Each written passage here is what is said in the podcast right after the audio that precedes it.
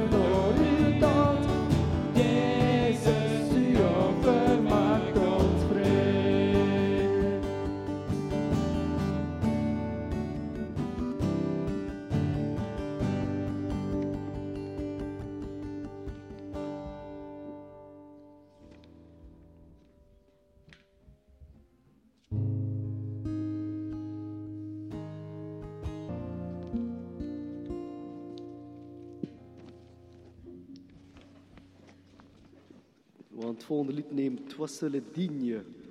De vertaling staat erbij in, in Nederlands.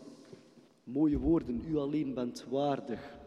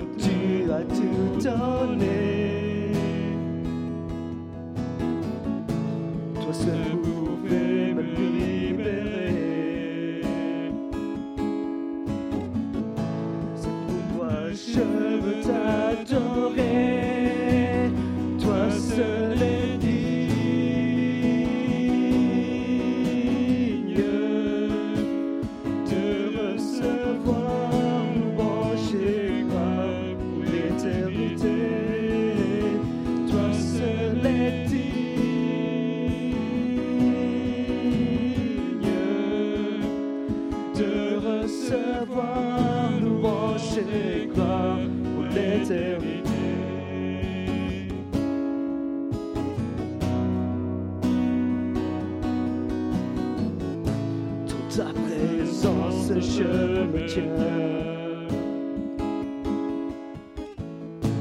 Car tu as ce dont j'ai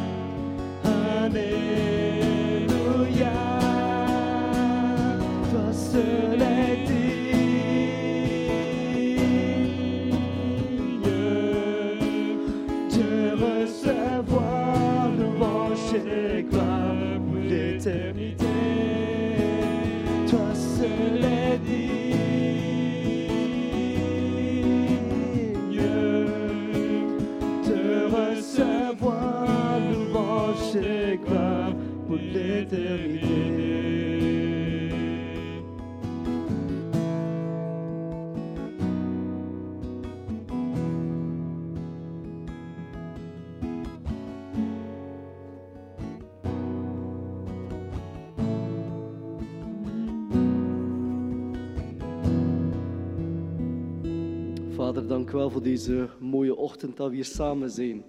We komen hier om u te danken. We komen, nu om, we komen hier om u te zoeken. En uh, we zijn hier echt samen. We zijn dankbaar dat u ons deze plaats geeft. Vraag echt dat u onze harten opent. Dat u spreekt tot ons. Vraag echt dat u ons kracht geeft. Dat we mensen samen mogen naraken. Dat we samen voor mensen mogen zorgen. Dat we samen mensen uw liefde mogen brengen. Dank u wel, Vader, voor deze mooie dag. Dank u wel dat u hier bij ons bent, Vader. Amen. We gaan nog een laatste lied nemen. Ik gaf mijn ogen op naar de bergen. We gaan samen recht staan.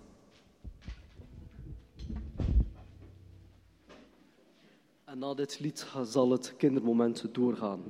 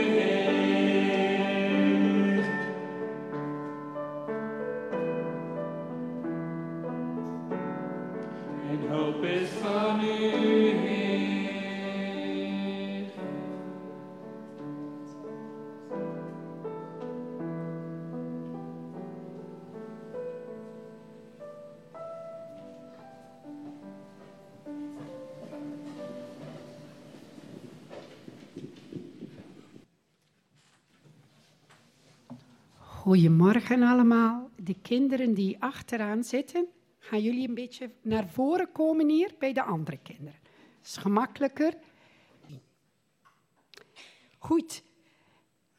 Het kinderlied van de maand. Weet je, als je tot bekering komt, dat is echt waar, dan zijn daar gevolgen aan. Dan word je van binnen zo blij. En daar spreekt het liedje van. Er is zo'n blijdschap in jou, zo'n vrede. En je wilt ook graag gaan zien zoals de Heer Jezus dat doet. Het is aan jullie. Je moet geen twintig jaar zijn om de richting te kiezen. Er zijn al kinderen toen ze twaalf waren die al gekozen hebben van ik wil nu niet meer de weg gaan. Ik, maar ik wil de weg gaan van Jezus door Hem te gehoorzamen. En dat is een heel bijzondere weg. Het is niet altijd een gemakkelijke weg. Maar diep van binnen, ik ben zo blij en ik zou het voor niks willen missen. Gaan we recht staan om ons kinderlied te zingen?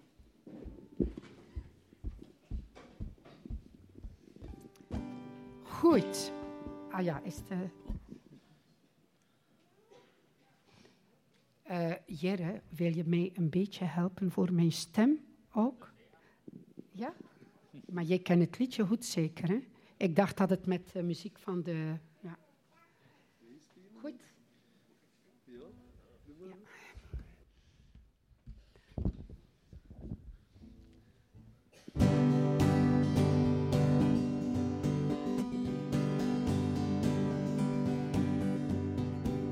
Ik heb de vreugde van de Heere Jezus diep in mijn hart.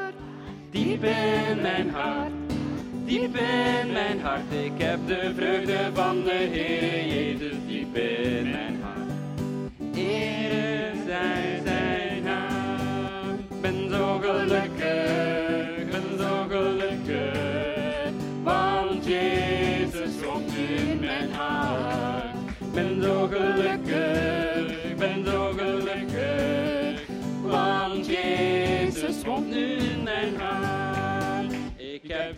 liefde van de Heer Jezus diep in mijn hart, diep in mijn hart, diep in mijn hart. Ik heb de liefde van de Heer Jezus diep in mijn hart.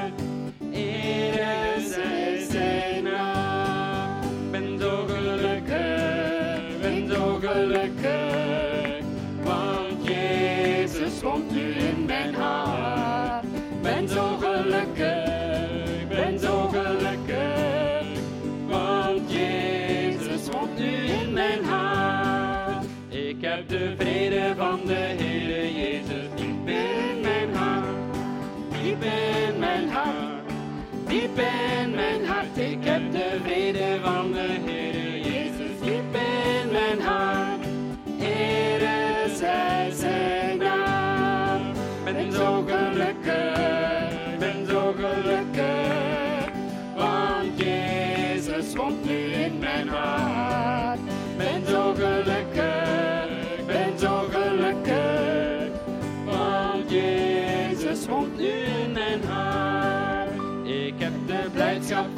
Heer Jezus diep in mijn hart, diep in mijn hart diep in mijn hart. Ik heb de blijdschap van de Heer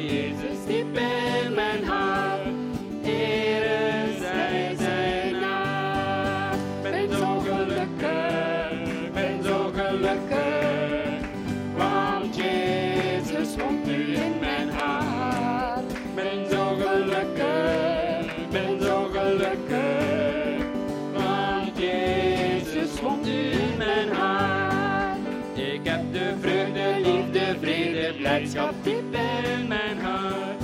Diep in mijn hart, diep in mijn hart. Ik heb de vreugde, liefde, vrede, blijdschap diep in mijn hart. Ere zij zijn naam. Ben zo gelukkig, ben zo gelukkig. Want Jezus woont nu in mijn hart ben zo gelukkig,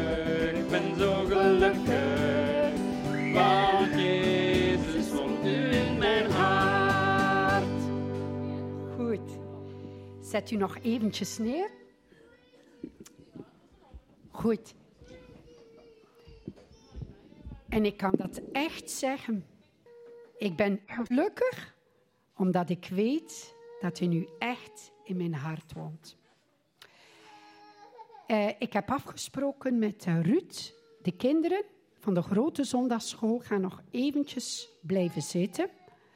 Omdat ik het ook heel belangrijk vind dat jullie ook een keer het verhaal horen van Nathan en van uh, Thomas. Want daar kunnen we ook heel veel bij leren. Kom maar, goed. De kleine zondagschool mag wel gaan, niet? dus uh, maar uh, goed.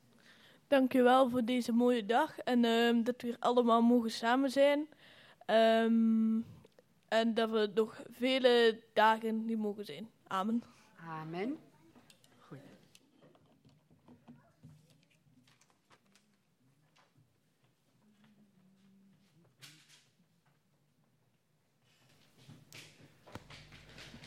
Zoals aangekondigd zullen we luisteren naar het verhaal van Sar en het verhaal van Nathan. Thomas, weet jij de spits af?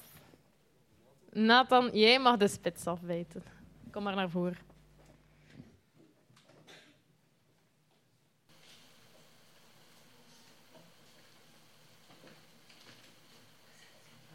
Goedemorgen. Het is lang geleden dat ik bij hier staan. um, ik denk wel 16 jaar geleden. Uh, ik ben hier 16 jaar bijna, hier in België. Um, is uh, in onze land 30 jaar broeroorlog geweest. 30 jaar, hè. dat is 30, dat is niet 1 of 2 jaar, 30 jaar. Ik ben geboren in de oorlog. Ik weet wat is allemaal de oorlog. Zijn familielid verloren. Economie kapot en alles, land kapot, alles kapot maken. En mensen moeten vechten om over te leven. En dus, na 7 uur s'avonds, je mag niet buiten het huis gaan. Als, dus, als je buiten gaat, doodschieten. En dus als je over de dag, als je buiten huis gaat, je moet sowieso moet buiten gaan om te werken, voor je dagelijke werk. En daar is niet zeker dat je terugkomt naar huis. Dus, en elke 500 meter is een controlepost van de leger. Ik weet niet wat ze buren als je naar buiten gaat. Is in mijn familie beslist om te sturen buiten Sri Lanka. En ja, dus, uh, het is ook uh, verhaalstelij. We gaan waar naartoe, weet niet wat. Misschien God is nader voor mij, mijn leven. Dus ik ben hier. En God helpt me om hier te kraken. En ja, hij maakt me een plaats hier. En ik krijg, ja, dus ik kom hier en dan ik aan, ik voor de vluchtelingenstatus. Ja, ze moeten wachten, één jaar. Dat is ook verrast. Ik heb een moeilijke tijd gehad. En, en toen zijn, ik heb Niele en Kurt leren kennen. Dat is de Niele. Ze vertellen over God. En ja, ik ben, ik ben andere godsdienst opgevoed. Dus, uh, dus ik zei, dat is niet voor mij. En, ja, dus, en daarna ik toon de mensen, ze brengen me hier, dus ik zie de mensen van de liefde. En zie, dus, uh, ik zei, ik heb uh, mijn houders, bij mijn generatie bij generatie, dus altijd dezelfde hoed opgevoed geweest. En ik kom hier zeggen, deze mensen totaal anders. En ze tonen zijn liefde. En ik zei, als je echt kort bent, toon je hoe bent. Ik ben helemaal kapot en ik word zoveel. En mijn papa, mijn papa is toen ik was één jaar en een half, mijn papa is dood. En toen ik 16, mijn papa, mama is dood. Dus is, ik heb een moeilijke tijd gehad. En zo is het is pijnlijke leven. Dus ik zeg, God, als je echt God bent, je moet het tonen aan mij, hoe je bent. En dan daarna krijg je vrede in mijn hart. En daarna komt, ja, dus alles begint, God begint te werken in mijn leven. En dat is pijnlijk. Dat is eigenlijk mijn, ik krijg langzaam vrede mijn hart. En, en dus begin elke dag, ik begin te denken positief. Dat ik als boer God leren kennen, dat is, altijd denken naar negatief. Maar als je begint positief te denken, ik ga het buren misschien, goede dingen. En, en drie, vier maanden later ik krijg de goede antwoord van de commissariaat-generaal. Wij kennen u, u bent echte bulletin. Dus. En daarna, ja, dus begint, alles begint te veranderen. Ik heb nooit gedacht, ik ga, ga trouwen, ik ga vrouw, mijn kinderen, dat ik dus verhaal stel. Maar God heeft hij mooi gemaakt, mijn leven. Dus wat ik heb, alles van hem. Ik, ik kom met een België is een kleine zak. Kijk wat ik heb, een huis, mijn vrouw en kinderen, mijn werk, auto's, alles. Wat ik heb mooi, gezond en wat ik heb meer nodig. Ik ben leren hoe je houdt. Dat is mijn verhaal, goddelijk. Dus uh, bedankt voor deze uh, tijd. Voor. En sorry, voor mijn Nederland niet zo mooi, maar ik uh, probeer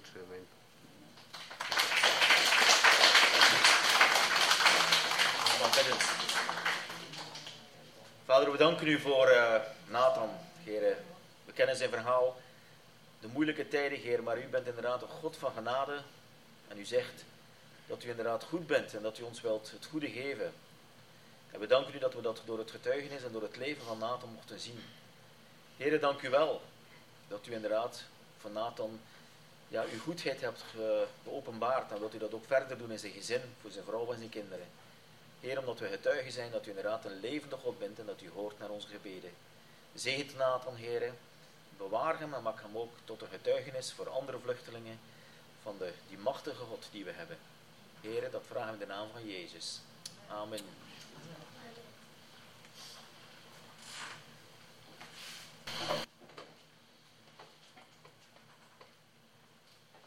Goedemorgen. Mijn moeder is er niet vandaag, ze is, in de, ze is bij vrienden in Frankrijk. Maar ik wou toch een keer jullie het verhaal vertellen hoe dat wij uh, samen naar België zijn gekomen. Ik kan even laten staan, dat is goed. Um, dus eigenlijk, ik denk dat een aantal van jullie, de meesten van jullie kennen het verhaal een beetje, maar oh, dit doet om nog ik heb, ik heb foto's gevonden, dus ik ben in het archief gedoken. Ik heb foto's, gevonden van uh, meer dan 35 jaar geleden. Dat is een van de eerste foto's die moet 40 jaar geleden zijn getrokken geweest. Een vluchtelingkamp. Dus wat is er gebeurd in Cambodja in de jaren 70, 60, 70? Was er een echte oorlog. Uh, mensen werden uitgemoord. Er was een, uh, een staatsgreep. Uh, de regering werd omvergeduwd. Uh, kwam ja, de reden waarom of wat, ja, politieke redenen, geopolitieke landen van buiten die zich moeiden en al. Dat is, dat is niet het punt van vandaag, maar er was echt oorlog in het land. Mensen werden vermoord, mensen werden neergeschoten. Uh, je kon niet naar buiten gaan, er lagen landmijnen in het land. Dus mensen verloren hun been, hun arm, omdat er mijnen lagen in het land. Uh, bommen werden gedropt, vliegtuigen kwamen met zure regen. Uh, zure regen met dat mensen verbrand werden. Dat waren de Amerikanen die in de tijd ook in die streek de bomen wilden kapotmaken, omdat de, er waren soldaten in de bomen verstopt. Dus zijn, dus zijn de Amerikanen, weet je wat we gaan doen? We gaan even die bomen uh, ont, uh, ontbladeren. Zure regen over, over die streek. Mensen werden verschroeid. Uh, wat een periode. Kwam erop neer, mijn ma zat in Cambodja, dat was in de jaren rond de 70. Zij moest acht jaar oud geweest zijn. De leeftijd van Mark ongeveer. Die leeftijd moest ze geweest zijn. En natuurlijk, wat doe je dan als je in zo'n land bent? Dan ga je vluchten. Je gaat weglopen. Zo, je, je, je pakt je spullen eens, je, je pakt je benen, je pakt je armen. Je gaat zo vlug mogelijk lopen en weggaan. Ze moesten grens over richting Thailand. Sommigen gingen vluchten richting Vietnam, anderen vluchten richting Laos. Mijn mama, ze was tegen de grens met Thailand. Ze vluchtte daar over de grens. En heel toevallig, niet toevallig hoor, uh, aan de overkant in Thailand aan de grens waren de Verenigde Naties. Ze hadden een vluchtelingkamp opgericht. Zie je dat hier? 40 jaar geleden. Dit zag het vluchtelingkamp eruit. In het begin waren dat geïmproviseerde hutjes. Dus mama kwam ertoe als uh, achtjarige, tienjarige. Ik denk dat ze de rest van haar tienerjaren heeft doorgebracht in dat vluchtelingkamp. Ehm, het is wel tof, dat vluchtelingkamp, door de jaren heen, met internationale hulp, eh, werd dat toch wel opgebouwd tot iets eh, beters. Je mag dus de volgende foto tonen. En dan zie je dat dat toch een beetje wat georganiseerder is. Van die geïmproviseerde hutjes en, en dingen en tenten en al, werden er echte tuinhuizen gemaakt. En daar zaten de mensen. Ehm, nu, het interessant was dat die mensen die daar waren, ze, ze waren, hoewel dat ze gevlucht waren, waren ze toch wel aan een bepaalde blijdschap. Want uh, ze waren op een, op een plaats waar ze eventjes niet in gevaar waren. Um, ik ga een paar foto's tonen. Doe een de volgende foto. Kijk, dat is zo. Um, dat is mijn pa helemaal uh, aan de linker, aan de rechterkant. Een dame. Ik vermoed uh, een of ander Amerikaan of Europeaan zien, of misschien Australiër. Dat weet ik niet. Maar die dame is een van de werkers die daar is toegaan. Ik weet niet of dat vrijwillig was of, of betaald, maar in ieder geval, ze, ze wel naartoe gaan om die mensen, om die vluchtelingen te helpen. Was dat medische hulp? Ik weet niet. Uh, was dat misschien uh, qua onderwijs? Want het, in die vluchtelingkampen, dus dat was van de jaren 70 dat dat vluchtelingkampen bestond, tot, tot de jaren 90. Dus dat heeft toch wel 15, 20 jaar bestaan, die vluchtelingkampen. En interessant was, er werden scholen daar opgericht. Want ja, er waren heel veel kinderen die moesten onderwijs krijgen. Dus, dus kinderen werden opgeleid in die vluchtelingkamp. Mensen leerden een beroep. Ik denk dat mijn pa toen als houtsmid leerde daar. Er was een postkantoor. Er moest post verstuurd worden. Uh, er waren zelfs kerken. En dat is interessant, dat is tof. Er waren daar zendelingen die er gingen om, weet je wat, hoewel dan die mensen in miserie zitten, we gaan toch even gaan en we gaan ze toch leren dat er God is. Volgende beeld. Doe maar hoor. Ja, ah, oké, dat is nog één. Je ziet daar de mensen met elkaar, je ziet daar bussen van, uh, ja, van hoe dat mensen waren toegekomen of misschien mochten ze vertrekken. Maar je ziet mensen, het is niet dat ze er heel miserabel uitzien. Ze zien er vrij normaal uit. Weet wel, uh, kijk, we zijn hier samen. Mijn ma is in het midden, terugkeer naar de vorige. Mijn ma is in het roze in het midden. Dat is mijn moeder. Ik denk dat ze 16, 15 jaar, 15 jaar moest geweest zijn of zo. Um, foto's gelukkig dan die bestaan. Um, wat dat er gebeurde in die vluchtelingkampen, er kwam internationale hulp via de Verenigde Naties. Echt heel tof. En uh, mensen die werden toen... Uh, er waren echt heel veel landen, internationaal, die zich samenspannen en zeiden, wel, weet je wat, zoals België, in tijd met koningin Astrid, ze zei van ja, wij gaan zoveel honderd of duizend vluchtelingen opnemen. Frankrijk zei, we gaan er zoveel opnemen. Amerika zei, we gaan er zoveel opnemen. Um, gevolg was dat, ja, het was een soort uh, lijst die werd afgelopen en als je mocht vertrekken, dan mocht je vertrekken. Gevolg was dat ook uh, families uit elkaar werden verscheurd. Dus, um, dus uh, mijn moeder, haar familie zit in Canada van pa in Amerika. Wij in België. Fransen hebben we ook. We hebben ook familie in Zwitserland. Dus families werden uh, verscheurd. Momentje. Nu, nee. Ay, gewoon, je moet beseffen, waarom vertel dat? Moet beseffen, die mensen die zaten in vluchtelingenkampen, die waren ver van huis, die hadden miserie meegemaakt en die waren over de hele wereld verspreid. Dat was het gevolg ervan. Uh, als je kijkt naar de volgende foto. Ja, hey, dat, dat, dat is tof, een kerk. Ik denk dat dat een evangelische kerk was.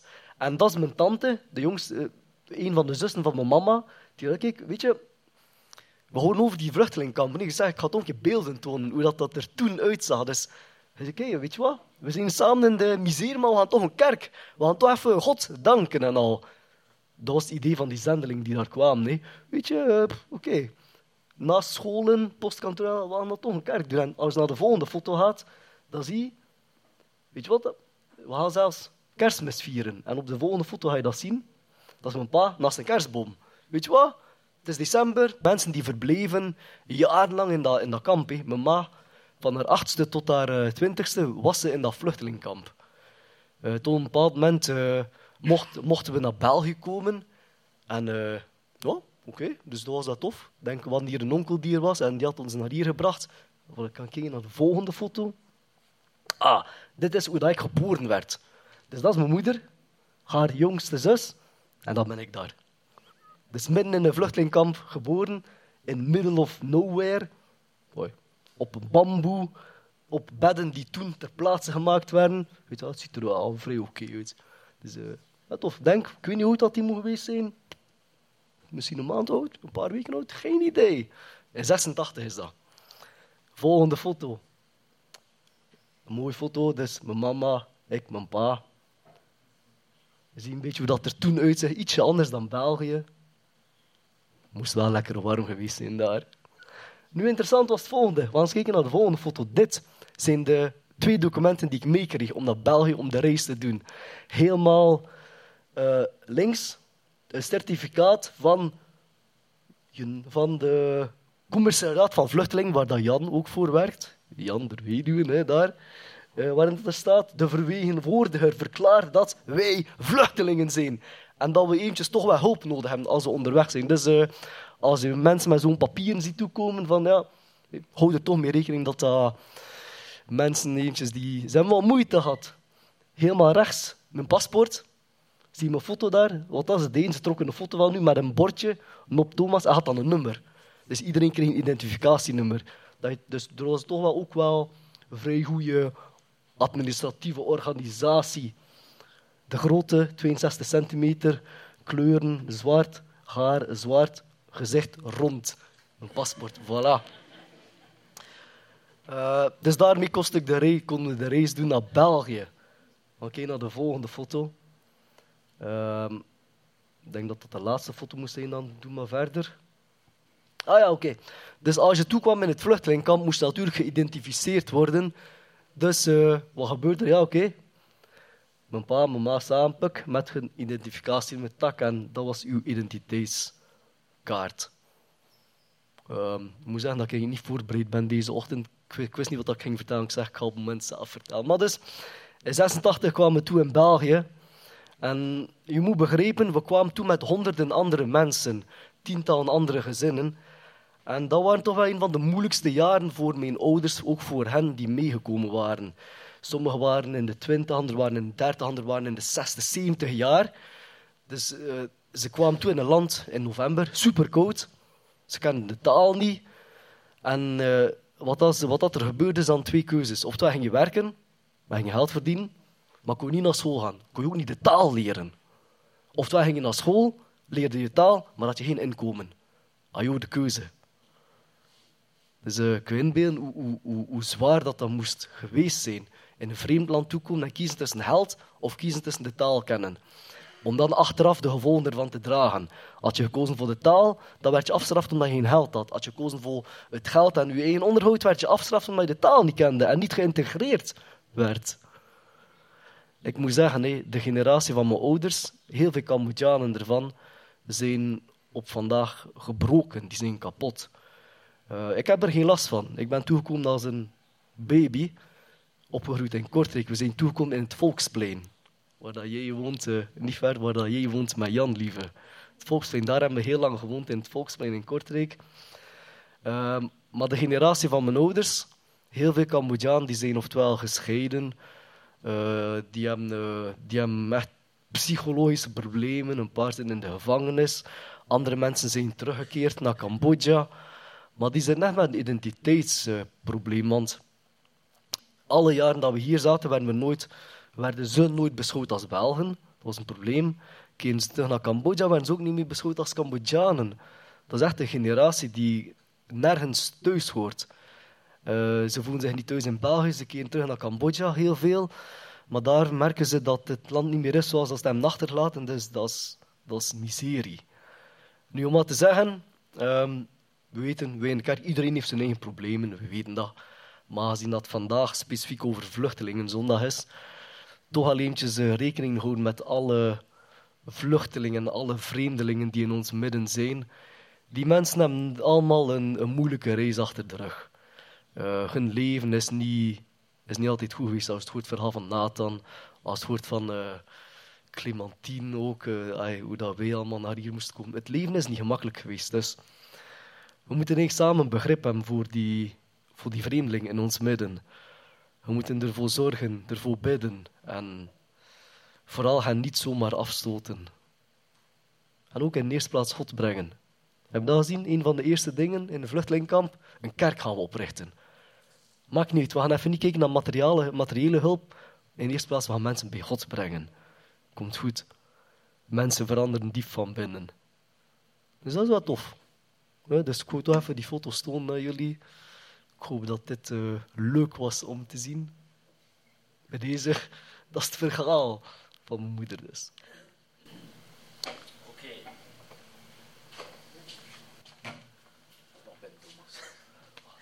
Vader, we danken u, heren, voor uh, de familie Nop, heren. Dank u dat ze ondanks hun lijden en hun miserie toch ja, een mooi leven hier in België hebben opgebouwd, Heer. En ook voor hun zonen, Heer, die zich ook willen inzetten in de kerk, Heer. Dank u wel voor Thomas en zijn gezin. Maar inderdaad, Heer, mag het voor ons een, voorbeeld zijn, Heer. Wij die dat allemaal niet kennen en soms geen reden hebben om te klagen, om toch klagen. Heer, leer ons van andere heren die veel meer ja, lijden soms mee te maken hebben dan ons. Dat we toch, ondanks alles, blijmoedig mogen zijn, omdat u ons zegent, Heer. Als ik denk aan uh, Saar, heren, wilt u haar zegenen. Ook voor de kinderen, ook voor de papa en de Hanse familie. Heer, omdat uw grootheid ook verder hen mag bemoedigen, Heer. Ook voor Thomas, Heer, als oudste in de kerk. We zijn ook dankbaar voor zijn spontaniteit, Heer, voor zijn eerlijkheid. Heer, wilt u hem ook verder zegenen, samen met Ria, of Rina en hen, hun gezin, Heer. Dank u wel. In de naam van Jezus vragen we dat. Amen. Bedankt.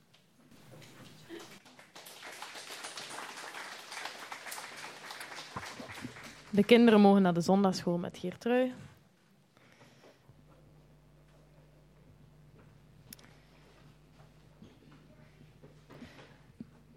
Ik wil ook nog een moment van gebed als kerk inlassen. Um, er zijn binnen deze kerk nog een aantal mensen die ook wachten op erkenning als vluchteling. Mensen die in een asielzoekcentrum wonen. Um, je weet misschien niet wie ze zijn, dat hoeft ook niet. Maar weet dat er in onze kerk veel mensen zijn met een verleden als vluchteling. Dus ik wil een moment van gebed inlassen voor deze mensen binnen onze kerk, voor ons als kerk, dat we een getuigenis mogen zijn naar eh, de buitenwereld toe, maar ook voor al die andere 100 miljoen mensen die op dit moment op de vlucht zijn. Dus voel u vrij om een gebed uit te spreken.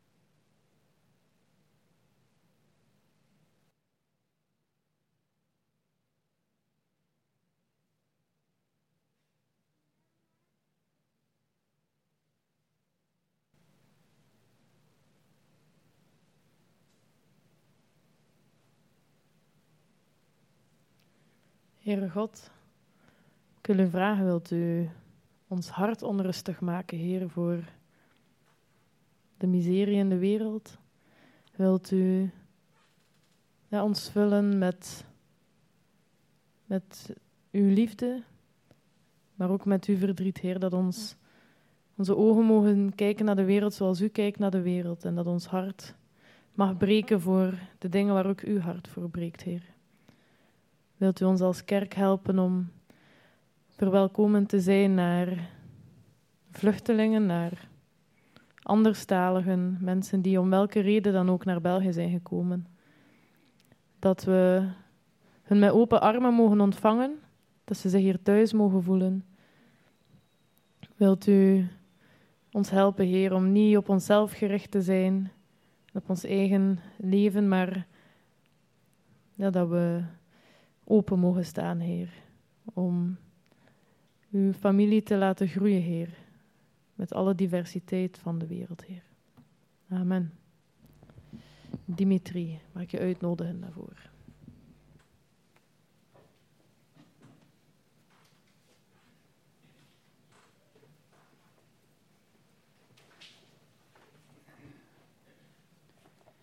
Een goede morgen allemaal.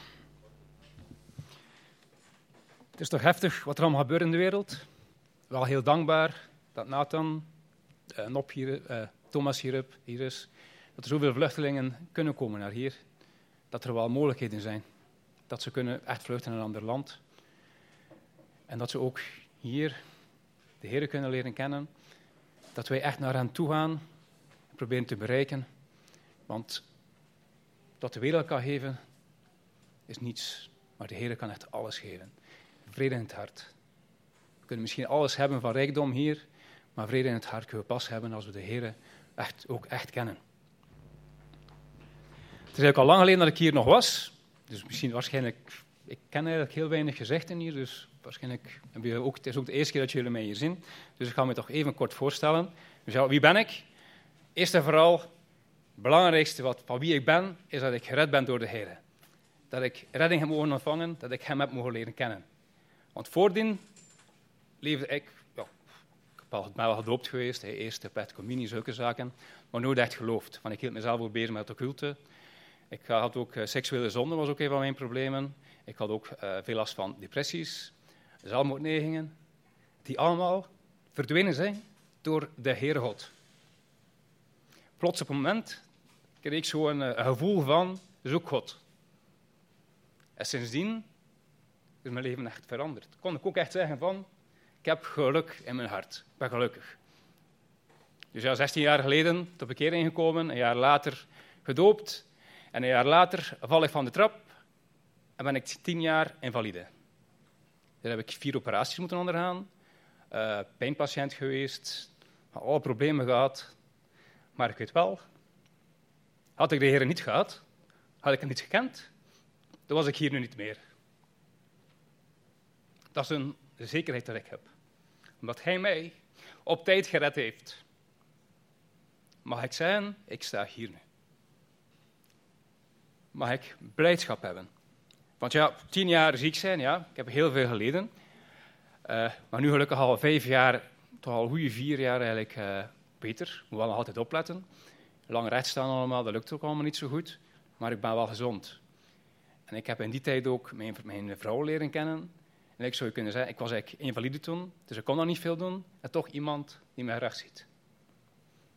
Dus nu ben ik uh, gelukkig getrouwd. Heb ik ook twee stiefkindjes, dochters, van 11 en uh, 16. Dus ik mag mij heel gelukkig prijzen wat de Heer voor mij gedaan heeft.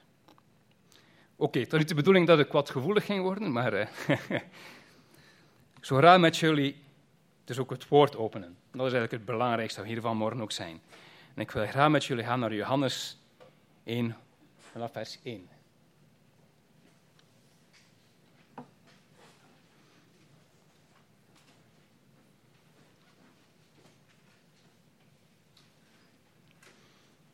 Het evangelie van Johannes, hoofdstuk 1. Ik zo graag eerst nog binnen met jullie. Heer God, dank u wel dat wij deze morgen terug konden aanbidden. Konden prijzen, konden loven voor wie u bent. En ook gewoon danken voor wat u doet voor ons. Welke zegeningen u hebt gebracht, Heer. Ook welke zegeningen u gebracht hebt voor uh, Nathan en voor Thomas, Heer. En voor allen die moeten vluchten. Zonder u is er niets. Zonder u kon niets bestaan hebben. En toch zijn we vandaag in een wereld die uw bestaan helemaal ontkent, Heer. Die niets van u wil weten. Die zegt, uw God bestaat niet. Maar zonder u, Heer, was ik hier niet. Was niemand hier op aarde. Was zelfs de aarde er niet. Hadden we geen sterren, hadden we niets, Heer.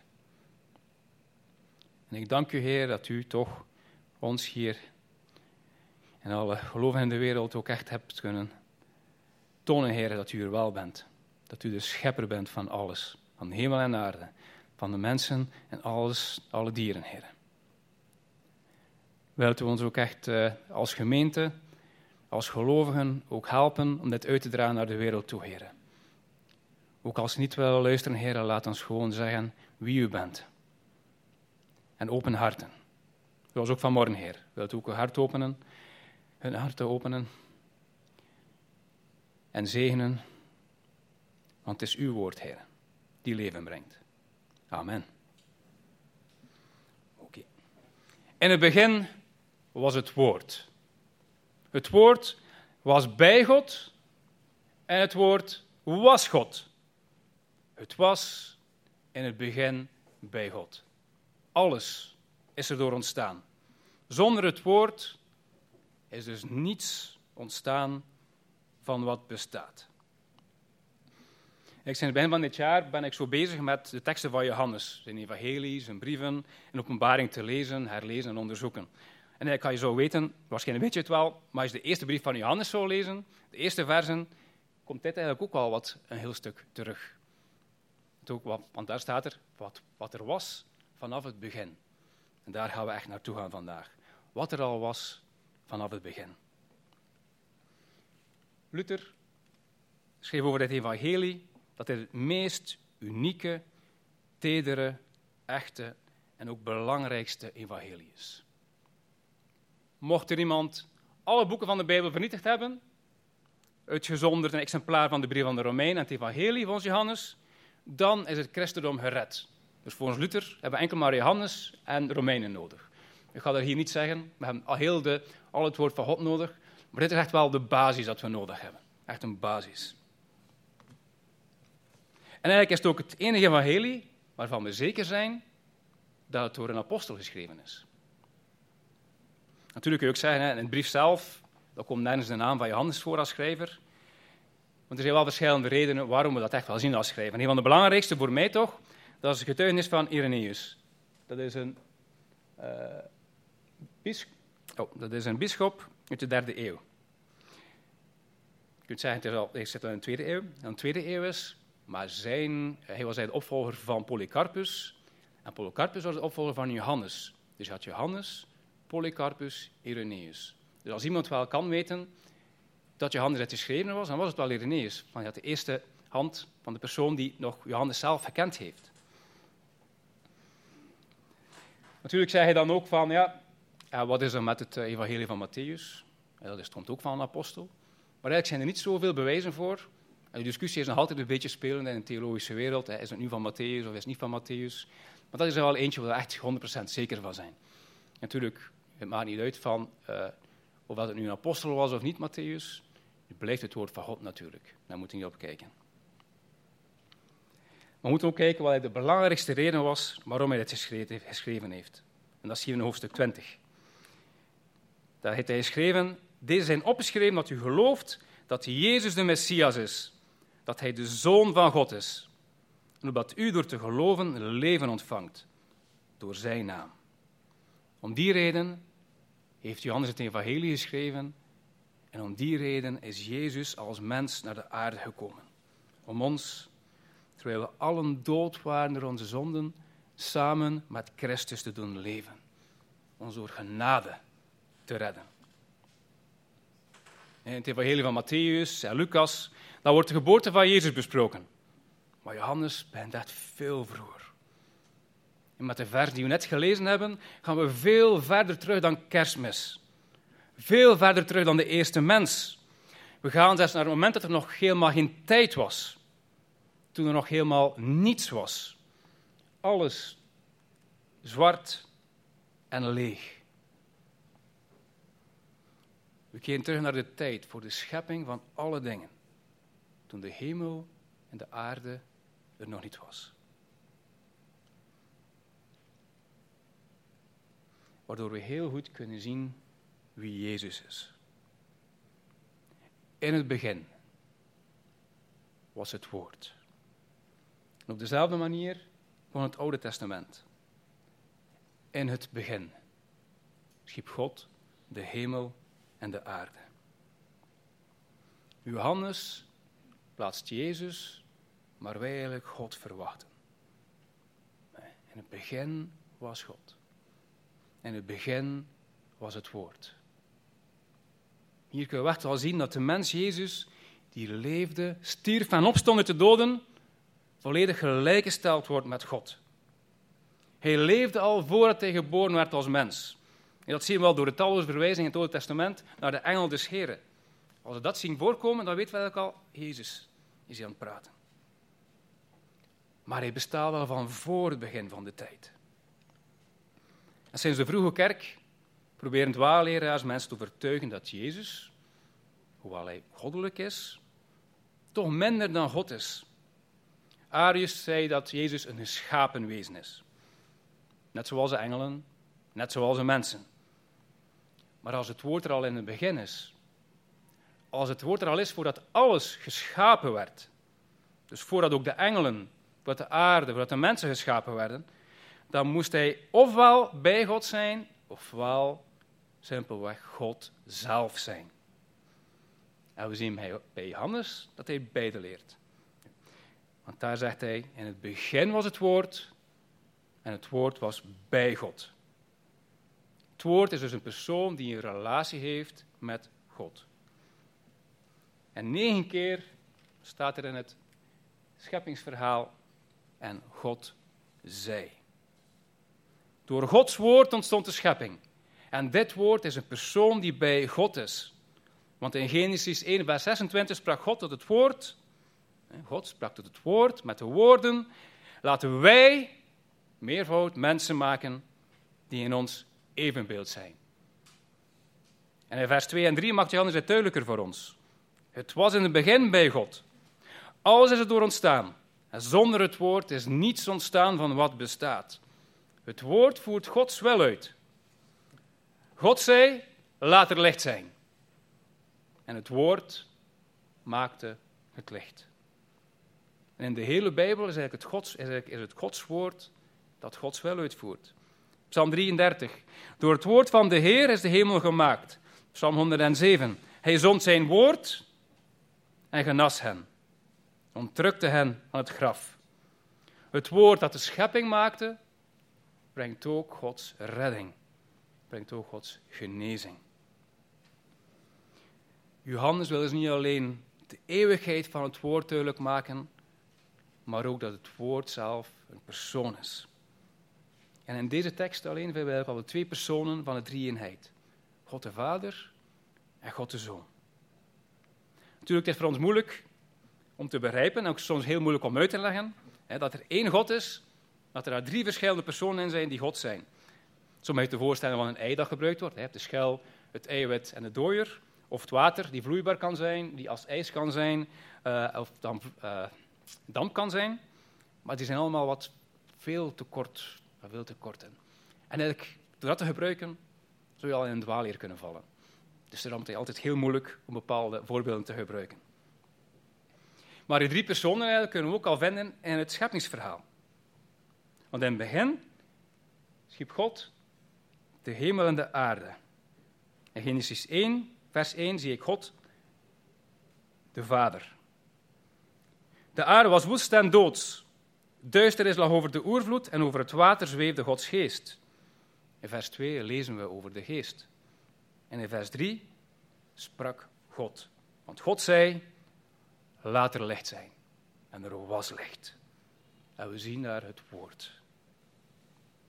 En wanneer Johannes dus spreekt over het woord, dan bedoelt hij God de Zoon, Jezus Christus, die eeuwig leeft in relatie met en ook de wel doet van God de Vader. Van wat er was vanaf het begin. Hij benadrukt dat het woord een afzonderlijke, goddelijke persoon is. Het woord was bij God. Dus het is niet enkel bij God, maar is ook God. Dit staat ook in Johannes 1, vers 18. Niemand heeft ooit God gezien, maar de enige zoon, die zelf God is, die aan het, hart van de Vader rust, heeft hem doet kennen. Wie zegt dat er, dat er in de Bijbel niet staat dat de Heer Jezus God is, daar ligt hij, want we zien het er al direct staan. Die zelf God is. Hij is God. Ook aan het einde van het evangelie, toen Jezus aan Thomas verscheen, valt Thomas voor hem neer en roept, mijn Heer en mijn God. Duidelijker kan het gewoon niet. Johannes wil ons zegt vanaf het begin van zijn evangelie laten weten dat Jezus Christus het woord is. Dat hij God is. Maar natuurlijk probeert men dit te ontkennen. Bij de vroege kerk was het Arius. Nu hebben we de Jehovah's getuigen die verkondigen dat Jezus een God is, een goddelijk wezen is, maar zeker God zelf niet. Ik denk niet dat alleen de Jehovah's getuigen zijn die zo'n dingen durven zeggen, of zelfs, zelfs, zoals ik gezegd, door de drieënheid, de moeilijkheid ervan, soms lukt het zelfs in, de, in, in, verschillende kerken.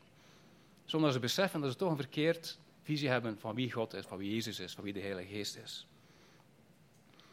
Maar toen ik, eh, ik al verteld dat ik lange tijd thuis gezeten heb, en plots stonden de Jehovah's aan mijn deur.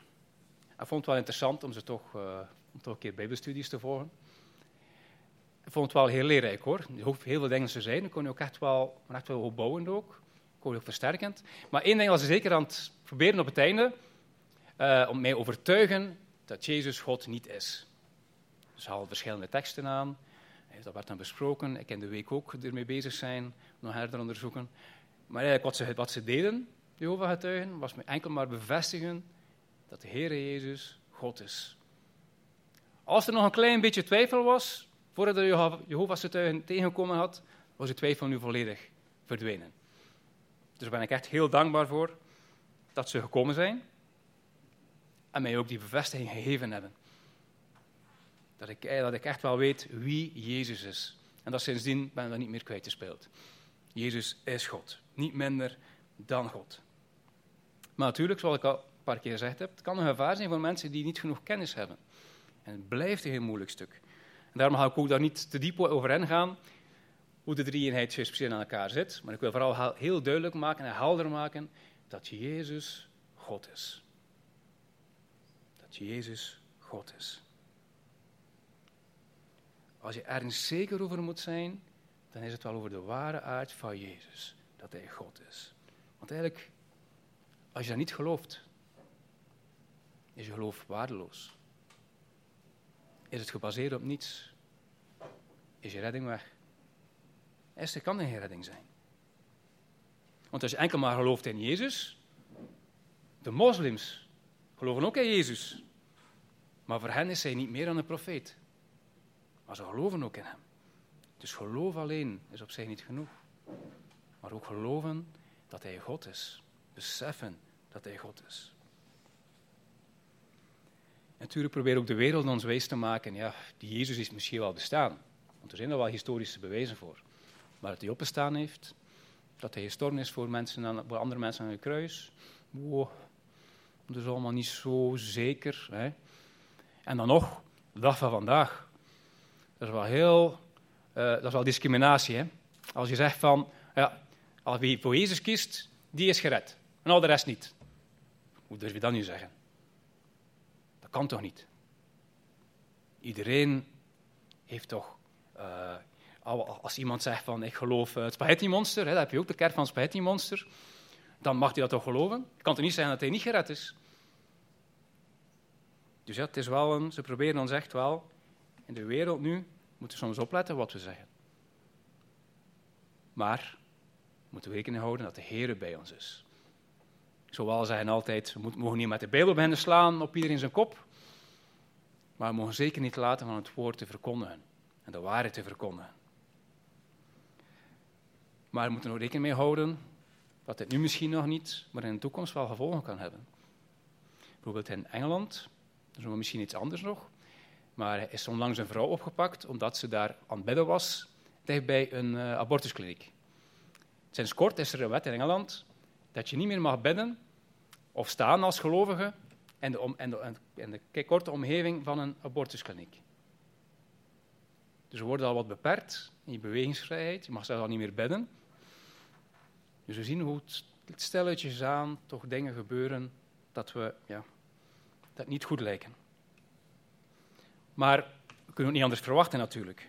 We weten het. Het woord is ook duidelijk over. Dat het moeilijker zal worden voor ons. Maar we hebben een machtige God. Jezus is God. Geen geschapen wezen. We hebben hier verduidelijkt dat de enige zoon zelf God is. In Johannes 3 staat er ook De Vader heeft de Zoon lief en heeft alle macht aan hem overgedragen. Johannes 10. Wat mijn Vader mij gegeven heeft, gaat alles te boven. Niemand kan uit de hand van mijn Vader roven. En de Vader en ik zijn één. Als ik alleen bewijs had van dat Jezus God is, dan heb ik hier al een tweede bewijs dat Jezus God is. De Vader en ik zijn één. Johannes 14, geloof me. Ik ben in de Vader en de Vader is in mij. Als je mij niet gelooft, geloof het dan, om wat hij doet. Johannes is echt heel duidelijk in zijn evangelie. Luther zei nog het volgende over. Deze tekst is een sterk en geldig getuigenis van de goddelijkheid van Christus. Alles hangt af van deze leer. Zoals ik eerder al zei, je redding hangt er ook vanaf. Het hangt af van deze leer. Het dient om alle andere doctrines van ons christelijk geloof in stand te houden en te ondersteunen. En daarom heeft de duivel het al heel vroeg in de geschiedenis van de christendom aangevallen. En hij blijft dat doen in onze tijd. En het wordt altijd maar sterker en sterker. Bij het begin van zijn evangelie wil Johannes dat wij onze eerste godheid van Christus en zijn relatie tot God de Vader beseffen. Waarbij het aanrengt op Jezus' goddelijke zoonschap voor onze verlossing. Jezus is God die de dingen uitvoert, die de wil doet van zijn Vader. Echt bijna die perfecte eenheid van de drie-eenheid. Jezus is de Heer der glorie. En wie zegt dat Jezus niet gelijk is aan God, is een dwaalleraar. Hij weest eigenlijk de redding af. Want wanneer iemand u een evangelie verkondigt dat in strijd is met wat u hebt ontvangen, dus wat Johannes schrijft door de persoon van Jezus, en wie hij is, vervloekt is hij. Jezus is God. Jezus, het goddelijke woord, de logos, dat is het Griekse woord dat gebruikt voor woord, kwam in de wereld om het reddende woord te zijn. Het is een heel belangrijk woord voor ons. Voor christenen is de logos belangrijk, maar zelfs voor uh, de Griekse filosofie was de logos heel belangrijk. Ik wil even gaan naar een Griekse filosoof, Heraclitus, die ik zich afvroeg, en ga het ook vragen naar jullie. Hier stapt een man in een rivier. Stel, hij stapt er terug uit en hij stapt er terug in. Is het nog altijd dezelfde rivier? Wie vindt dat het nog altijd dezelfde rivier is? Laat jullie toch twijfelen om mijn handen op te steken, maar jullie zijn verkeerd als je nu je handen verstoken hebt. Nee, volgens hem is het niet dezelfde rivier, omdat het water verder gestroomd is. Dus er is nu iets anders dat daar nu zit. Hè? Kunnen wel misschien dezelfde naam van de rivier nog hebben, maar het water zelf is niet meer hetzelfde water van daarnet. Dus hij dacht er eigenlijk over na, over het feit dat dingen voortdurend veranderen. Hij zegt dus, je kan nooit twee keer in dezelfde rivier stappen. Maar als dat waar is, als alles steeds verandert, hoe kan er dan orde zijn in de wereld? En daarop gaf Heraclitus het antwoord. Hij zei, de logos houdt alles bij elkaar in een wereld van verandering. Er is een doel en ontwerp voor de wereld en de gebeurtenissen.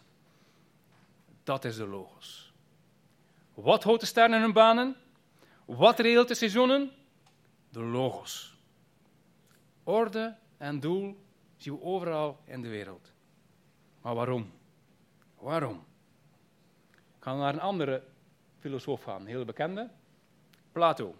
Die zei: Misschien komt er op een dag uit God een woord, een logos, die alle geheimen onthult en alles duidelijk maakt. Die logos van God is gekomen. Hij is als mens op aarde gekomen en wij hebben hem gezien. Jezus is degene die het leven in deze wereld echt zin geeft. Rijkdom heeft geen voldoening en kan ieder moment afgenomen worden. Zoals daarnet, ja, de ouders van Thomas en Nathan zelf, je hebt alles verloren, kom met een klein zakje toe.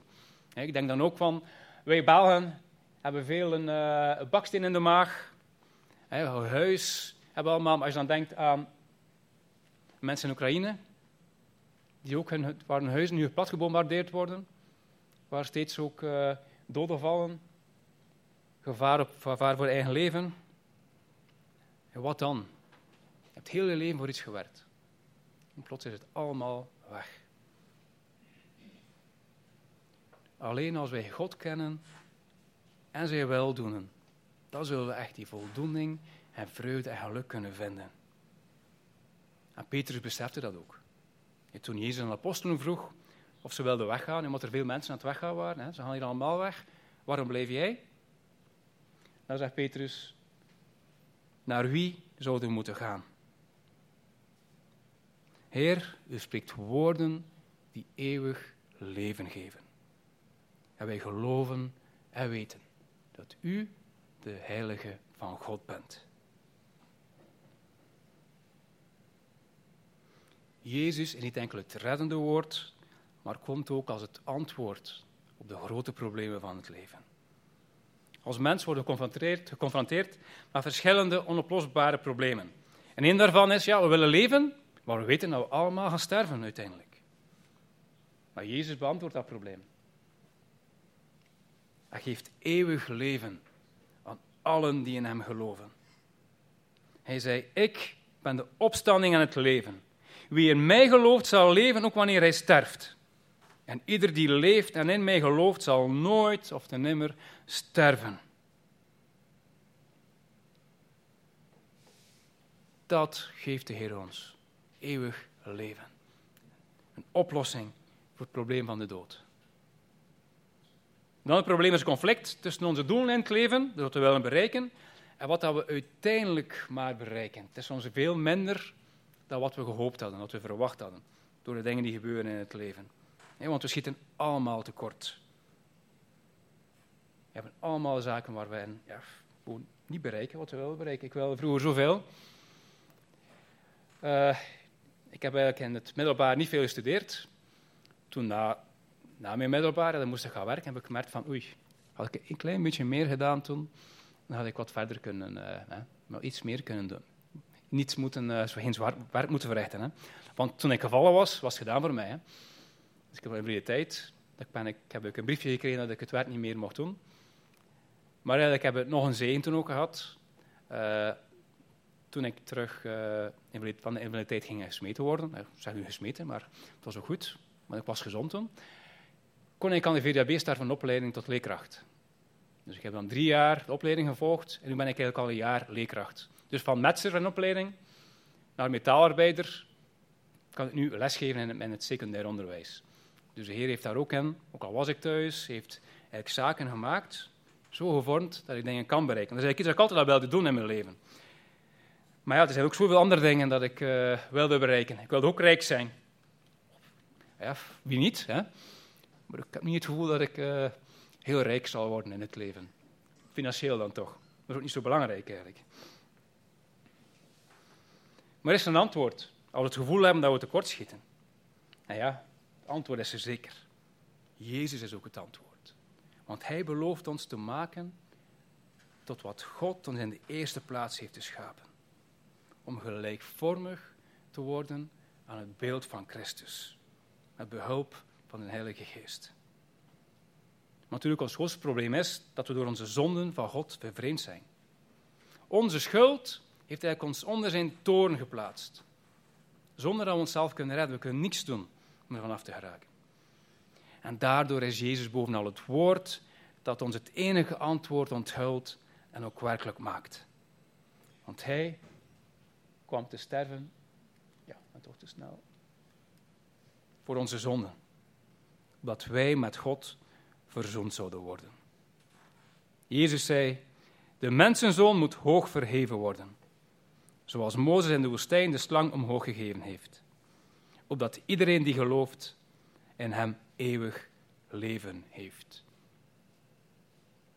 Denkt u misschien niet, misschien bent u er niet van helemaal overtuigd, maar Jezus is de oplossing voor alles. Hij herstelde de wereld door zijn eigen bloed te vergieten voor onze zonden. En in plaats van onze rekening te presenteren, dat we allemaal verdienen, en een heel zware rekening wel te zeggen ook, biedt hij ons het gratis geschenk van eeuwig leven aan door geloof in Hem. Maar hij is niet alleen het goddelijke en het reddende woord. Maar het is ook Gods woord voor ons. Want omdat het woord mens geworden is en in ons midden heeft gewoond, kunnen wij ook God kennen. En God openbaart zich, net zoals wij aan elkaar openbaren, door woorden. Oeh, een keer een foutje met de PowerPoint, mijn excuses. In Hebreeën staat er, op velerlei wijzen en langs velerlei wegen heeft God in het verleden tot de voorouders gesproken door de profeten. Nu, aan het einde van de tijd, heeft Hij tot ons gesproken door Zijn Zoon, die Hij heeft aangesteld als erfgenaam van alles wat bestaat en door wie Hij het heelal geschapen heeft. Hij, Jezus, straalt Gods luister uit. Hij is zijn evenbeeld. Met zijn machtig woord draagt hij alles wat bestaat. En hij heeft, na de reiniging van de zonde ten voltrokken, plaatsgenomen aan de rechterzijde van Gods hemelse majesteit. Ver verheven boven de engelen. Dus niet de aartsengel Michael, dat de Jehovah-getuigen zullen vertellen. Omdat hij een eerbiedwaardiger naam geërfd heeft dan zij. Dit getuigt Jezus, uh, getuigt Jezus in het evangelie van Johannes. Hij zei, ik en de Vader zijn één. Johannes 10. Wie mij gezien heeft, heeft de Vader gezien. Johannes 14. Als je wilt weten hoe God is, hoef je alleen maar te leren over Jezus Christus. Want Hij is God. Omdat Jezus het levende woord van God is. En omdat God nooit verandert, was en is God altijd als Jezus, altijd als Christus. God is heilig. Zoals Jezus ook heilig blijkt te zijn, is in dit evangelie. God is barmhartig en zorgzaam. God is soeverein en machtig. Precies zoals Jezus in het boek openbaart. En we zeker ook in, openba in het boek Openbaring kunt terugvinden. Maar bovenal ontdekt Jezus Gods liefde voor ons. Want God had de wereld zo lief dat hij zijn enige zoon heeft gegeven. Dat iedereen die in hem gelooft niet verloren gaat, maar eeuwig, eeuwig leven gaat. Soms rammen dit vers soms heel snel af. We kennen veel allemaal en soms gaan we er heel snel over. Maar ik is iets zegt om bij stil te staan, om traag te zijn. Want er zit zoveel in. Het is niet zomaar een tekst. Niet zomaar een tekst. Johannes 1, 14 staat er, wij hebben zijn grootheid gezien. De grootheid van de enige Zoon van de Vader. Dus als je de heerlijkheid van God wilt zien, in zijn heiligheid, in ontferming, in zijn macht en vooral in zijn liefde, dan vind je die alleen bij Jezus, in het gezicht van Jezus. En als het waar is dat Jezus het levende woord is, dat God aan ons openbaart, dan is zijn komst ook het belangrijkste dat ooit in deze wereld is gebeurd. Maar in wereldse termen heeft Jezus niets bereikt. Maar we weten allemaal dat, God niet kwam, dat Jezus niet kwam om een financieel of militair rijk op te bouwen. Hij kwam om ons de weg naar God te wijzen. Hij zei, ik ben de weg, de waarheid en het leven. Terug verduidelijken ook, ik ben de weg. Enkel Jezus Christus is de weg, is de waarheid en het leven. Omdat hij God is. Omdat hij kwam om verloren zondaars te redden. Eist ook wat hij deed onze vurige aandacht naar hem toe en hartgrondig geloof. Want als Jezus het goddelijke en reddende woord is, dan kan gewoon niets anders belangrijker zijn voor ons dan onze relatie met Hem. Jezus, het woord, dat Hij in het begin bij God was en God is dat hij in de wereld kwam om Gods verlosser voor ons te zijn. Roept ons op tot geloof. Wij zijn geroepen hem zonder ophouden te aanbidden voor wie hij is. Hem zonder aarzeling te gehoorzamen, want hij is onze Heer. Om hem zonder voorbehoud lief te hebben, want hij hield eerst van ons. En hem zonder onderbreking te dienen. Johannes schreef, deze zijn opgeschreven, opdat u gelooft dat Jezus de Messias is. Opdat u gelooft dat Jezus de Zoon van God is. Opdat u door te geloven leven ontvangt door zijn naam. Maar Jezus waarschuwt in, zijn, in het evangelie van Johannes. Ik heb tegen u gezegd dat u zult sterven vanwege uw zonden. Want als u niet gelooft dat ik het ben, de ik ben, zien we hier terugkomen, zult u inderdaad sterven vanwege uw zonden. Maar hij voegde eraan toe, wanneer u blijft vasthouden aan wat ik zeg, bent u werkelijk mijn leerlingen. U zult de waarheid kennen en de waarheid zal u bevrijden. Amen.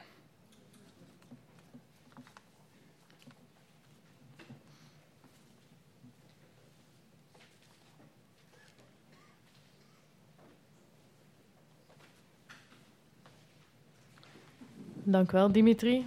Goede woorden om deze dienst mee te eindigen en mee te nemen in de week die voor ons ligt. Nog een aantal mededelingen voor ik de dienst afsluit in gebed. Morgen is er bidstonde hier in de kerk om 7.30 uur. Ik moest jullie er allemaal aan herinneren om ten laatste volgende week zondag jullie stembrief voor Jan als oudste was de 25ste? Tegen de 25ste de stembrief? Ja, dus volgende week zondag. Uh, ten laatste uw stembrieven daar in de houten box aan de muur deponeren. Dan nog komende zaterdag, 24 juni, is het eindelijk ons jubileumfeest. Ik hoop dat jullie er allemaal voltallig zullen zijn, dat je er zin in hebt. Trek je gerust je feestkleren aan. Um, ik heb het twee weken geleden al gezegd. Het zou fijn zijn als een aantal mensen doorheen de dag een beetje kunnen helpen. De 40 tot 60-jarigen hebben zich al talrijk opgegeven. En die shift is al helemaal vol geboekt, waarvoor dank. Ben je 60 plus, tussen de 20 of de 40 of min 20, kom je nog aanmelden om te helpen. Het zou fijn zijn als we voor elke shift vier mensen hebben die even wat willen afwassen of wat grief willen opruimen. Het is maar een uurtje, je bent met vier. Um, en dan kan je de rest van de dag gewoon fijn genieten van het springkasteel. Van de, je mag je laten schminken als je dat als volwassene ook graag wilt. Iets lekker eten, iets lekker drinken. Wil je liever helpen s ochtends of uh, na zes uur om op te bouwen of af te breken? Laat dat ook zeker weten. En ik hoop dat we er gewoon allemaal een fijne dag van kunnen maken met z'n allen. Zijn er nog mededelingen die niet in potscherven staan, die zeker gezegd moeten worden? Ja, Jan. Wel, ik heb vanmorgen gehoord van Jans moeder dat Vivette gevallen is met de fiets. Dus uh, misschien gebed voor haar. We weten ook niet hoe erg dat is, maar blijkbaar gaat het goed. Dus ja, misschien gewoon gebed vragen voor Vivette. En misschien een keer een bemoediging om een te bellen naar haar Vivette. Vivette is gevallen met de fiets. Dat was het. Dank u wel. Jere ook nog?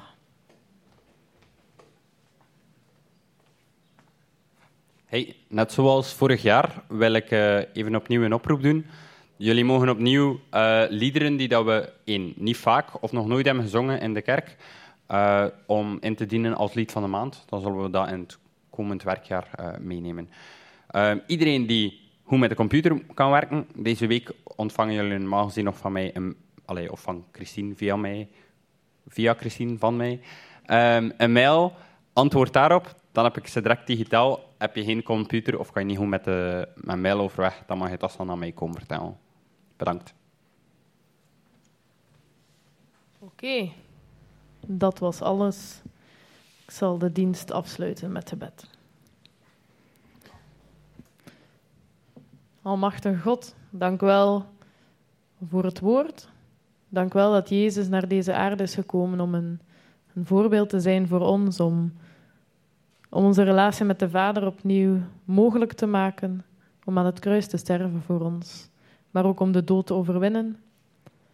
Wilt u ons helpen om standvastig te zijn in geloof, om deze evangelie te lezen en, en onze kennis over God te verrijken, zodat we ook meer en dieper mogen beseffen wie God is, wie Jezus is, wie de Vader is, wie de Heilige Geest is. En dat we elkaar ook mogen aanmoedigen om te werken aan deze relatie met God. Wilt u ons zegenen de komende week? Wilt u ons leiden? Wilt u ons mensen op ons pad brengen aan wie we het evangelie kunnen vertellen? Zodat er opnieuw meer mensen mogen horen over de wonderlijke schepping en de redding die Jezus ons bracht. Amen. Jan trakteert met koffie.